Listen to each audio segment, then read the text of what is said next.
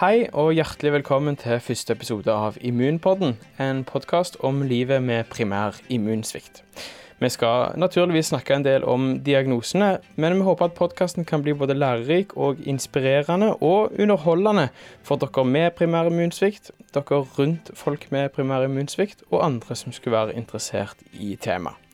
Og for å oppnå det, så skal podkasten handle mest av alt om menneskene. Altså de med og de rundt primær immunsvikt. I denne første episoden skal vi åpne med å prøve å skaffe oss et innblikk i hva primær immunsvikt egentlig er. Hvilke diagnoser det innebærer, hvilke fellestrekk disse har, og hva spekter av sykdomsbilder som fortoner seg hos folk som har en primær immunsviktdiagnose. For å gjøre det, så skal vi snakke med Børre Fevang, som er overlege ved Rikshospitalet, om hvilke ulike diagnoser som finnes, og hva som kjennetegner de. Men først så skal vi snakke med en som har en immunsviktdiagnose.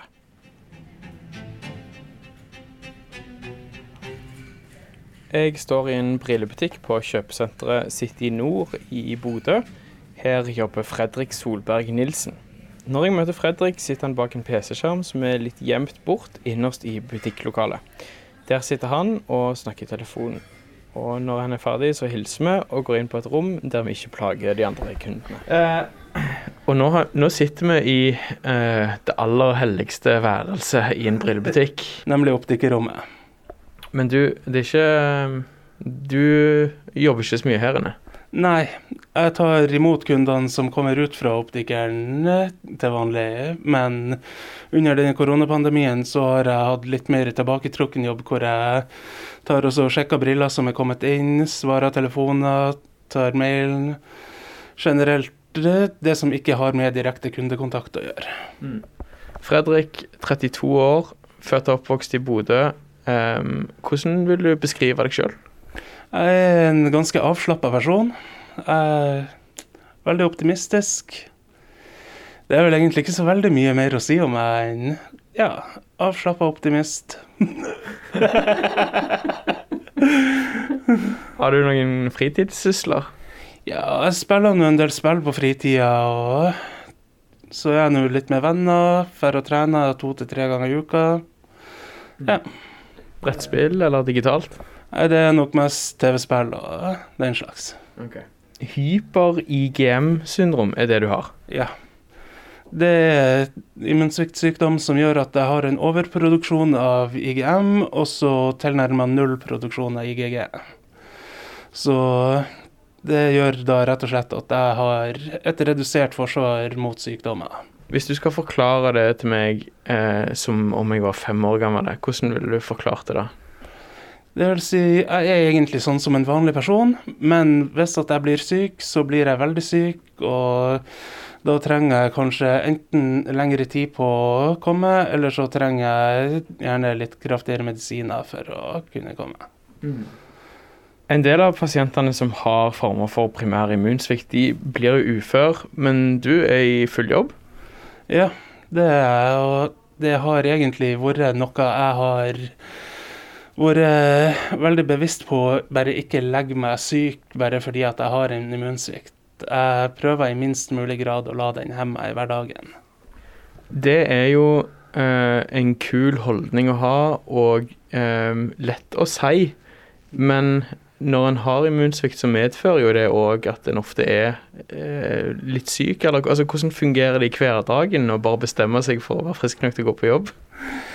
Det har egentlig kanskje litt med akkurat den holdninga med å gjøre, rett og slett. Det at hvis at jeg kjenner meg litt redusert en dag, så pusher jeg meg gjerne litt ekstra likevel. Bare for å prøve å komme meg opp. Og som oftest så er det bedre enn å bare legge seg sjuk den dagen. Mm. Det, hvor ofte føler du deg eh, på en måte litt syk når du våkner? Det varierer egentlig veldig. Det var jo mer spesielt mens at jeg var aktiv ute blant kundene før pandemien, men nå under pandemien, siden at jeg har redusert kontakt med folk, så har det også vært ganske redusert. Så du har blitt mindre syk du nå etter korona? Etter alle begynte å sprite hendene og komme med munnbind? snart nok. ja. Tror du at uh, det kommer til å ha på en måte langsiktige følger for arbeidshverdagen din? At du, at du Altså sånn det folk har vent seg til nå under korona, og, og den tilretteleggingen du har fått på arbeidsplassen din nå? Jeg håper egentlig at det kommer tilbake til normalen så mye som mulig, men jeg syns at det at folk har bare laga seg den vanen å sprite hendene før de kommer inn i butikker og den slags, det kan være en grei vane å bare opprettholde, sånn at det blir mindre smittespredning generelt. Men savner du kundekontaktdelen av jobben din? Det gjør jeg absolutt. Jeg hadde egentlig håpa at jeg skulle være tilbake ute i butikken for et års tid siden, men det ble ikke sånn for Men Nei, det var jo mange som hadde planer om hva de skulle gjøre i 2021, og så har det ikke blitt noe særlig bedre av disse koronagreiene ennå. Nei, men heldigvis så er det jo på oppsving nå, så vi Jeg ser positivt mot uh, framtida, i hvert fall der, og Det er jo en eh, avveining en er nødt til å gjøre hele tida, ser jeg for meg da, når en har immunsvikt knytta til hva er det jeg har lyst til å gjøre, og hva er det som er lurt å gjøre. Og dette med kundekontakt, som du gleder deg til å komme tilbake til, er, vel, er jo noe som du sier at har gjort deg litt mer syk enn hvis du hadde ikke hatt kundekontakt. Hva tenker du rundt det? Jeg tenker at i en vanlig hverdag så vil det egentlig mer være et nødvendig onde, vil jeg påstå. For eh, hvis at jeg bare hadde skjerma meg helt for folk, så kunne jeg jo sikkert holdt meg friskere enn hvis at jeg er ute blant folk, men man må spørre seg sjøl hvordan livet er egentlig det. Ja, hvor lenge jobber du i dag? I dag jobber jeg til fem, så jeg er ganske straks ferdig. Og når jeg er ferdig med å skifte, så kan du jo bare stikke hjem bortover til meg og få tatt en kopp kaffe og prate litt mer. Ja, det høres ut som en god idé.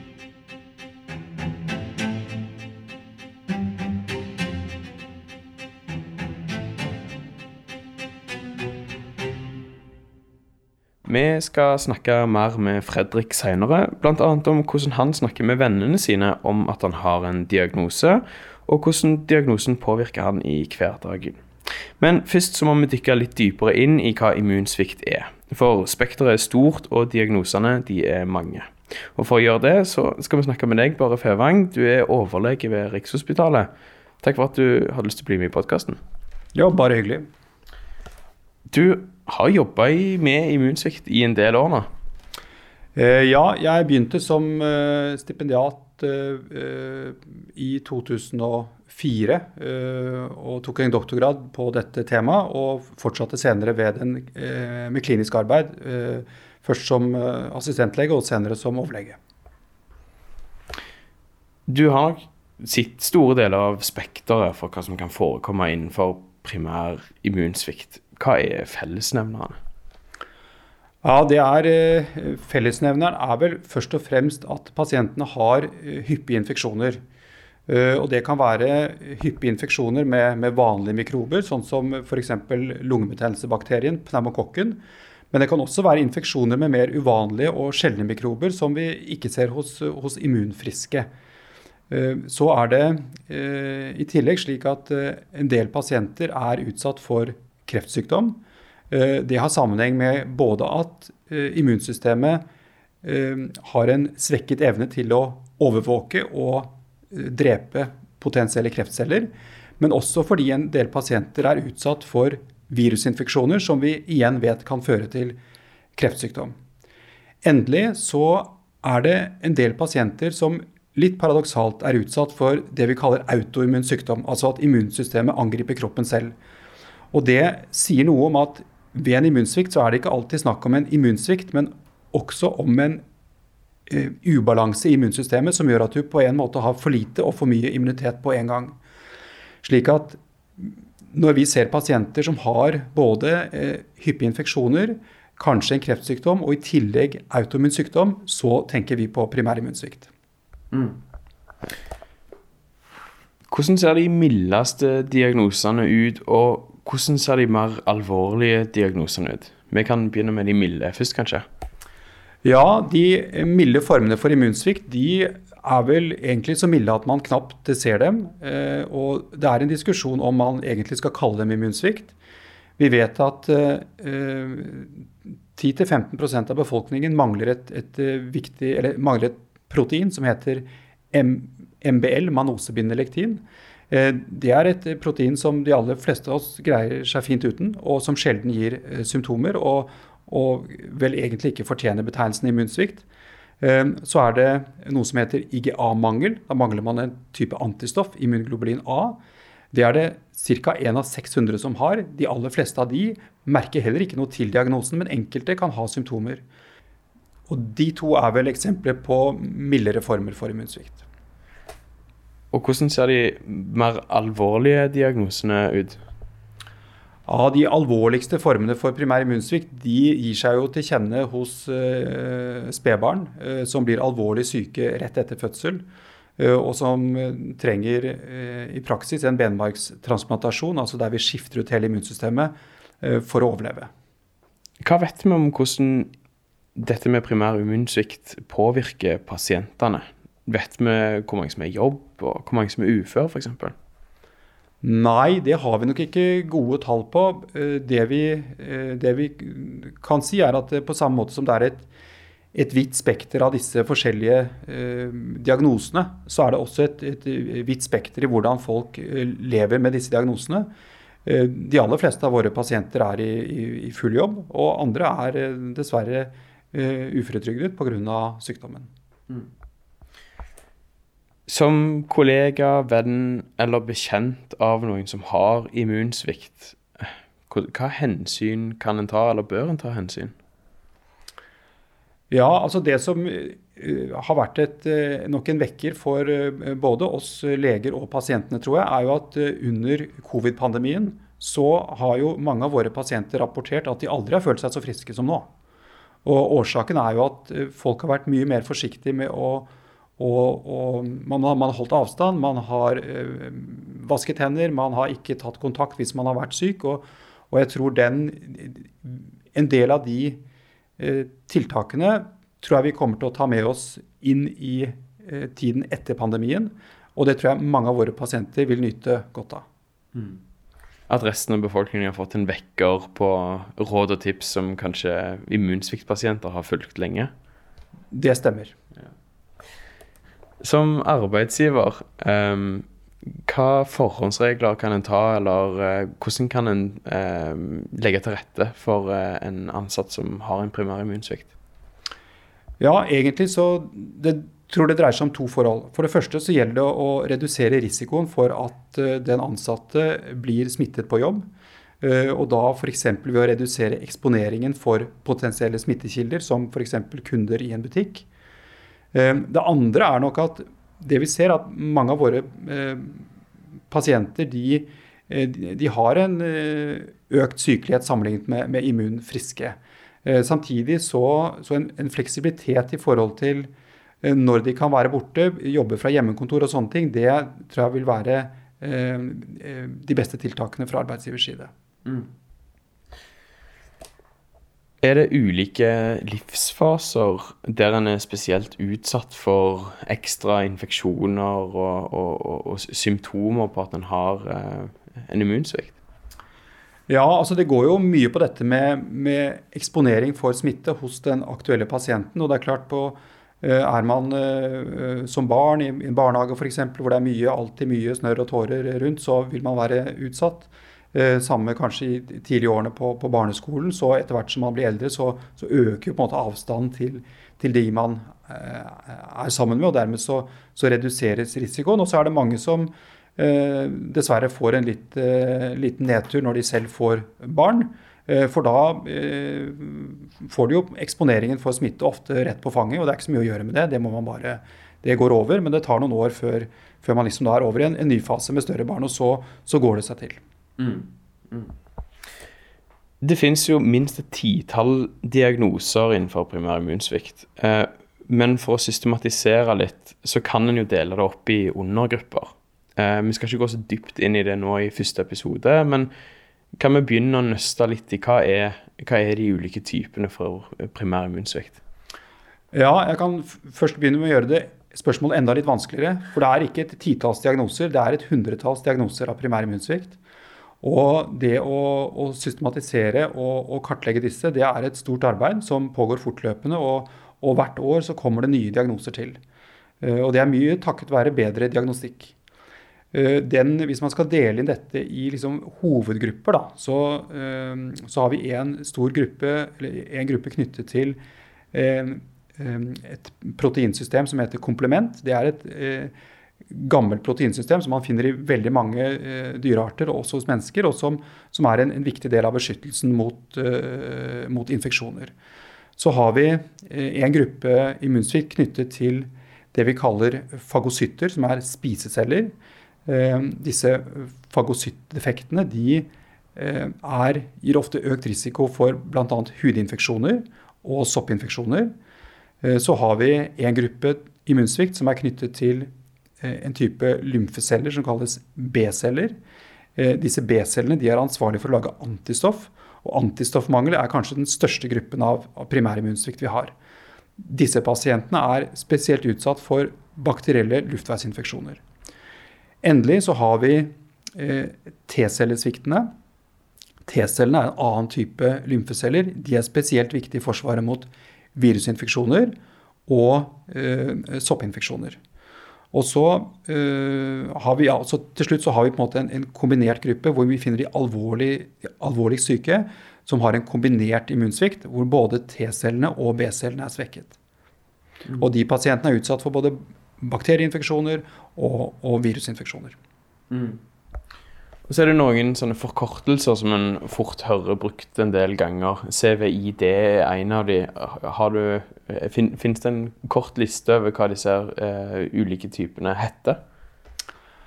Ja, det finnes vel ikke noe kort liste. Eh, det finnes, men det finnes noen lange lister. Ja. Eh, ellers så har eh, eh Immunsviktforeningen har gitt ut en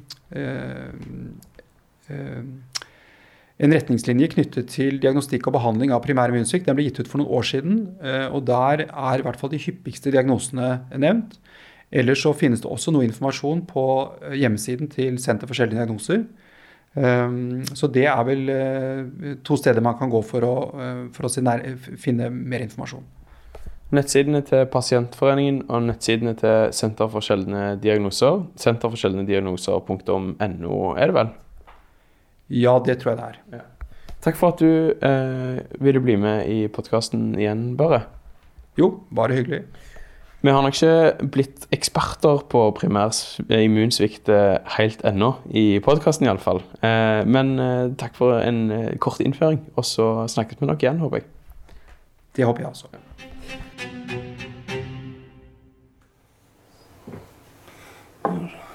du ha en kopp kaffe? Ja takk. Veldig gjerne. Eh, Vær så god. Vi er tilbake i, hos deg, Fredrik, i uh, gamerstua di. Ja, du kan vel kanskje kalle den det, ja. du, Fredrik. Uh, hva tid fikk du uh, diagnosen din? Den fikk jeg da jeg var ca. åtte måneder gammel. Da ble jeg først Det var vel kanskje litt forløp til det da vi for til Kristiansand da jeg var liten, med at jeg kasta opp veldig mye på flyturen der. Først nedover til Oslo, og så nedover til Danmark, for vi måtte mellomland der, for, og så dra til Kristiansand. Og så kasta jeg opp på turen mellom Danmark og Kristiansand. Også. og de, jeg tror det var en dag eller to etter det, ut ifra det jeg har hørt, så var det så får vi bursdag til en fetter av meg som ble ett år dagen. Og da fant Da så onkelen og tanta mi at jeg var veldig blå på leppene. Så da får vi rett til sykehuset, og jeg ble øyeblikkelig innlagt. Og de to ukene der, vel Jeg misunner ikke moderen og faderen de, for å si det sånn. Nei, hvorfor ikke? Det var veldig kritisk.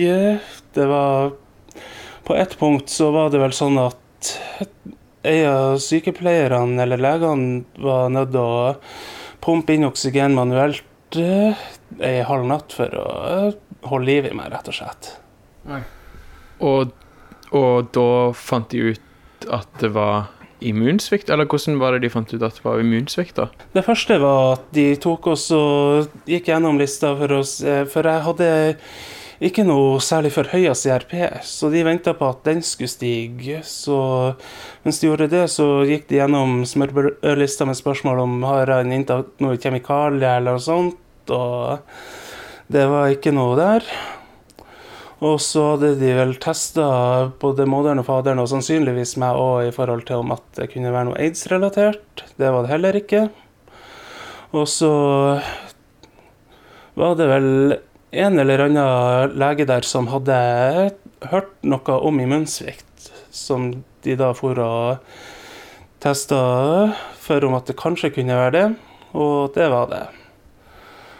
Og jeg husker, jeg har ikke detaljinformasjon på akkurat hele hendelsesforløpet der, men på et tidspunkt eh, der så kom, ble jeg nå videreført til Rikshospitalet, og, og så var det egentlig der det starta litt, på en måte. Det er vel egentlig ikke så mye mer jeg har av kjennskap til akkurat det, men det var egentlig veldig mye hva skal vi si, flaks som egentlig gjorde det at jeg er her i dag. ja, ikke sant. Og det var den uh, immunsvikthosten. Ja, det var Og den hosten har du alltid? Mer eller mindre, ja. ja. Noen dager bedre enn andre, men den er der mer eller mindre konstant.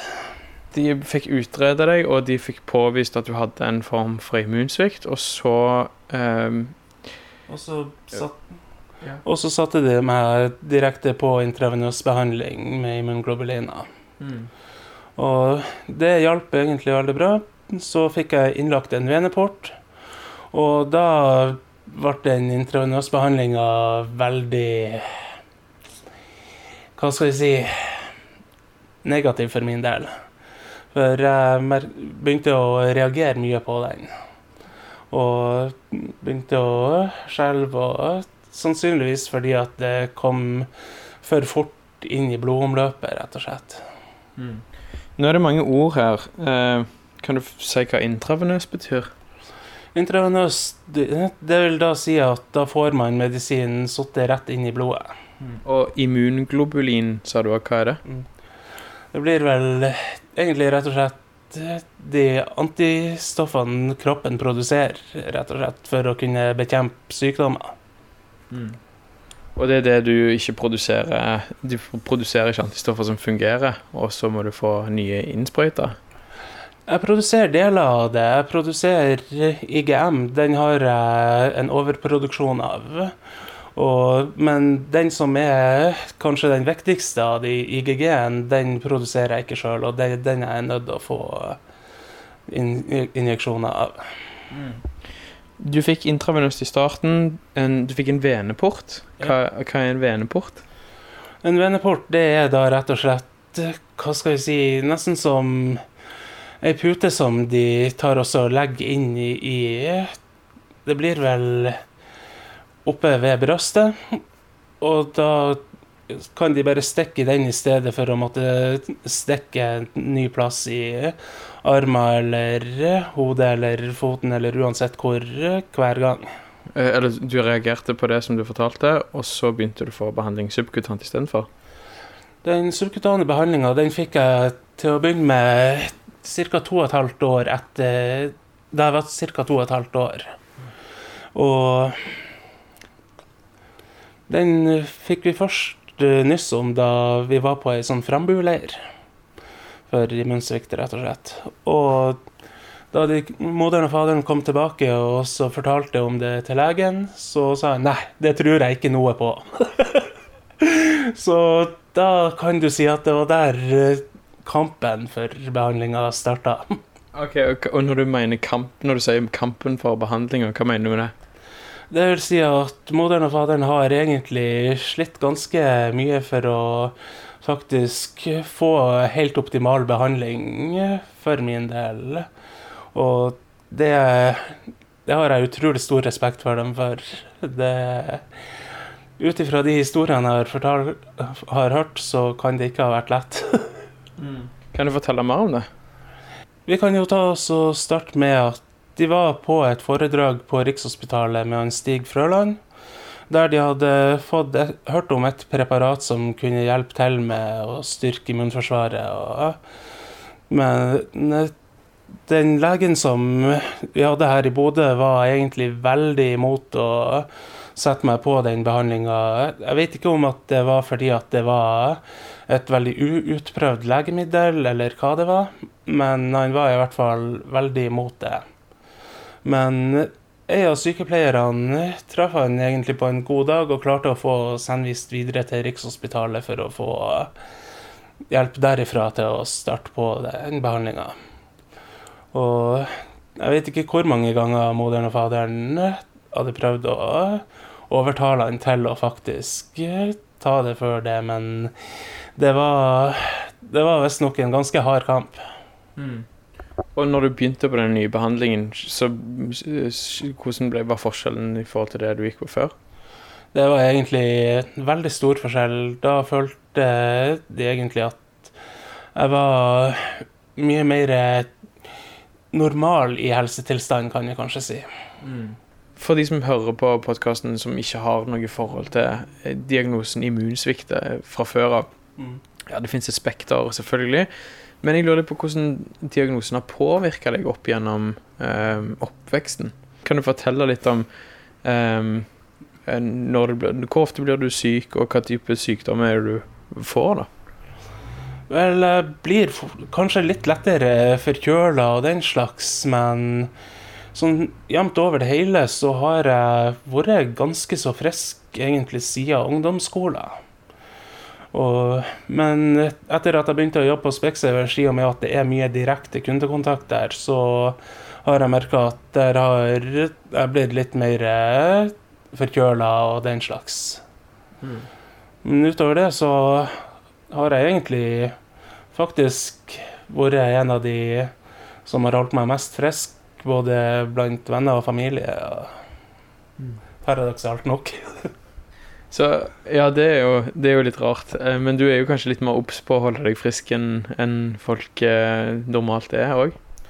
Ja, du kan si at jeg tar egentlig mine forhåndsregler. Jeg er nøye på å sprite av hendene, vaske hendene, ha generelt god hygiene det er, det er viktig det hvis man skal klare å holde seg frisk med en immunsviktsykdom. Mm. Og det var du i gang med i god tid før uh, globale pandemier uh, ble trendy? Jepp. Det var egentlig siden Ja, jeg har nå generelt holdt håndvaskhygiena veldig gått under kontroll. Men etter at jeg begynte å jobbe på Specsavers, så spriter jeg av hendene mye oftere òg. Mm. Eh, nå tar du immunglobulin, forebyggende, og det tar du subkutant. Ja. Og, og, subkutant er under huden. Eh, tar du noen andre medisiner for å holde deg frisk? Jeg tar forebyggende antibiotika, og så Det er egentlig det. Før så tok jeg jo det nevnte preparatet som jeg snakka om tidligere, som de hadde fått nyss av fra en Stig Frøland. Men eh, det slutta jeg med da jeg var 14 år. For da hadde kroppen sin egenproduksjon av de nitrofile granulisittene kommet såpass bra opp at det trengte jeg ikke lenger, rett og slett. Jeg har lyst til å snakke litt med deg om um hvordan vennekretsen din og kollegaene dine forholder seg, eller ikke forholder seg, til eh, at du har immunsvikt. Mm. Vi kan begynne eh, med å snakke litt om jobben. Eh, der eh, fikk jeg jo inntrykk av at kollegaene dine er klar over at du har immunsvikt.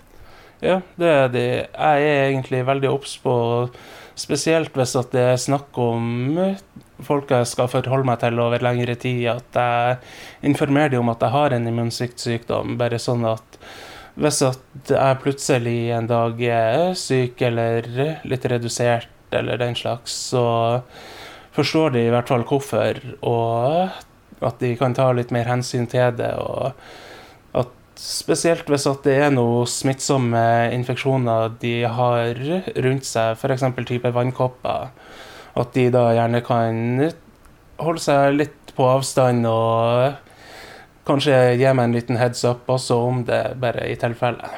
Mm. Og hva, um, liksom, hva konkret er det du um, På hva måte ber du liksom, kollegaene dine om å ta hensyn til uh, at du har immunsvikt?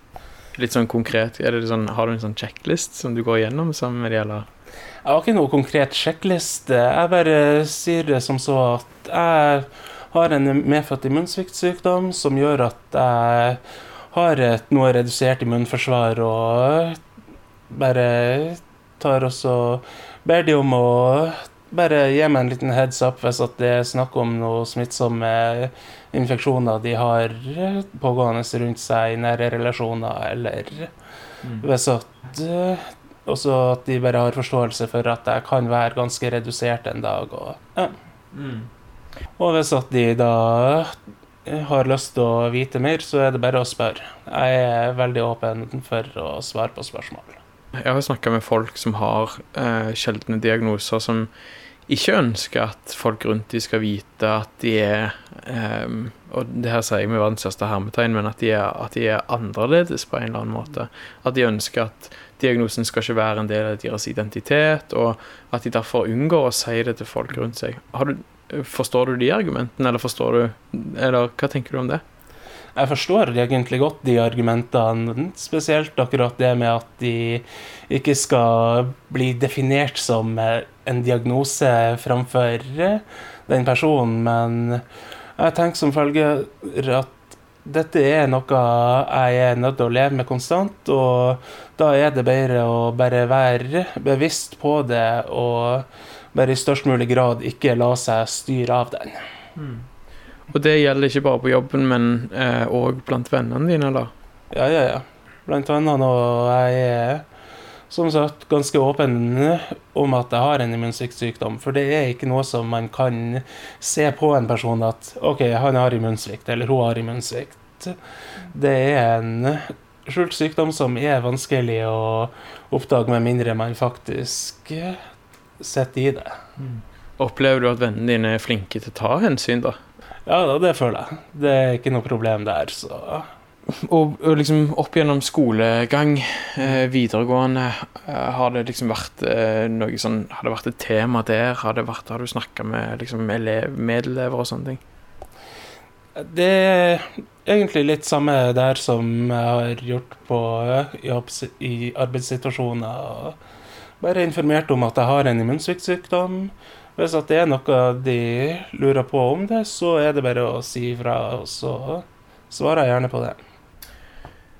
Eh, når du forteller om hvordan det er å leve med eh, sykdommen, eh, så forteller du at du er i full jobb, eh, og eh, at du egentlig ikke har vært så mye syk, eh, så alvorlig syk. Mm. bortsett fra at du ofte føler deg litt forkjøla og, mm. og, litt sånn under the weather, om du kan kalle det det. Um, men sånn er det jo ikke for alle. Det er jo mange som er uh, sykere enn deg, og så er det jo en del som er friskere enn deg av de som har på en måte diagnoser i spekteret. da. Men bare for å liksom grave litt dypere i det, hender det av og til at du på en måte må takke nei til å bli med på et eller annet pga. Uh, sykdommen? Ikke som jeg kommer på, egentlig. Det har jeg Jeg har egentlig vært veldig heldig sånn sett. Det Ut ifra sånn som jeg har kjent det, og sånn som jeg har opplevd det, så har jeg kanskje et av de mer heldige forløpene i forhold til akkurat den immunsviktdiagnosen. Mm. For jeg har snakka med en del andre immunsvikt pasienter på diverse opphold, enten årssamling eller Frambu som da jeg var mindre, eller ja, generelt sånne ting. Og der får jeg egentlig et inntrykk av at mange av de av og til faktisk sliter med så mye som å komme seg opp og få gi seg et ordentlig måltid om dagen på det verste, men jeg kjenner ikke helt at jeg har hatt de problemene. Nei. Um, du um, Ja, du er Det er irriterende hvor takknemlig du er for at det kunne vært verre. Ja, du kan kanskje si det sånn, men som sagt, jeg er optimist av natur, og jeg velger egentlig å se på det positive i det.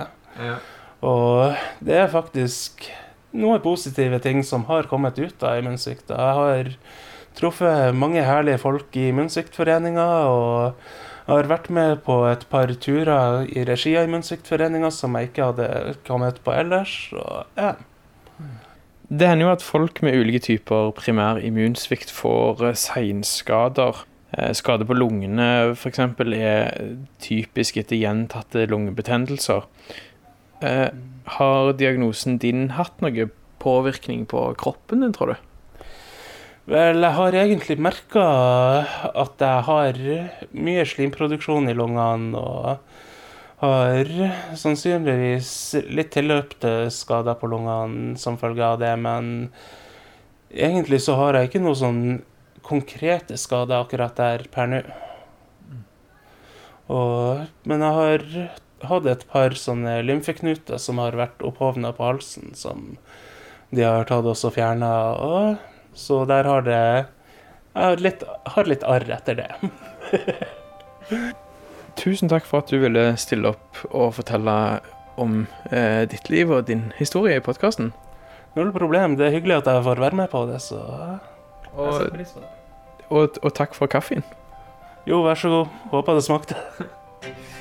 Det var det vi hadde eh, for denne gang. Um, Immunpodden er tilbake snart med flere episoder som handler om livet med primær immunsvikt. Ønsker du å lære mer om temaet, så kan du se på nettsidene til Senter for sjeldne diagnoser på www.sjeldnediagnoser.no, og på Norsk immunsviktforenings nettsider immunsvikt.no. I neste episode skal vi snakke med far og sønn, som begge har samme immunsvikt, for å lære mer om hvordan det var å ha immunsvikt tidligere, sammenlignet med hvordan det er nå. Til den tid er det bare å takke for oss. Har du innspill, forslag, ris eller ros, send det til redaksjonen.norge, krøllalfa, Jeg som er programleder og produsent, er Lars Andreassen. Takk til CSL Bering som gjør podkasten mulig.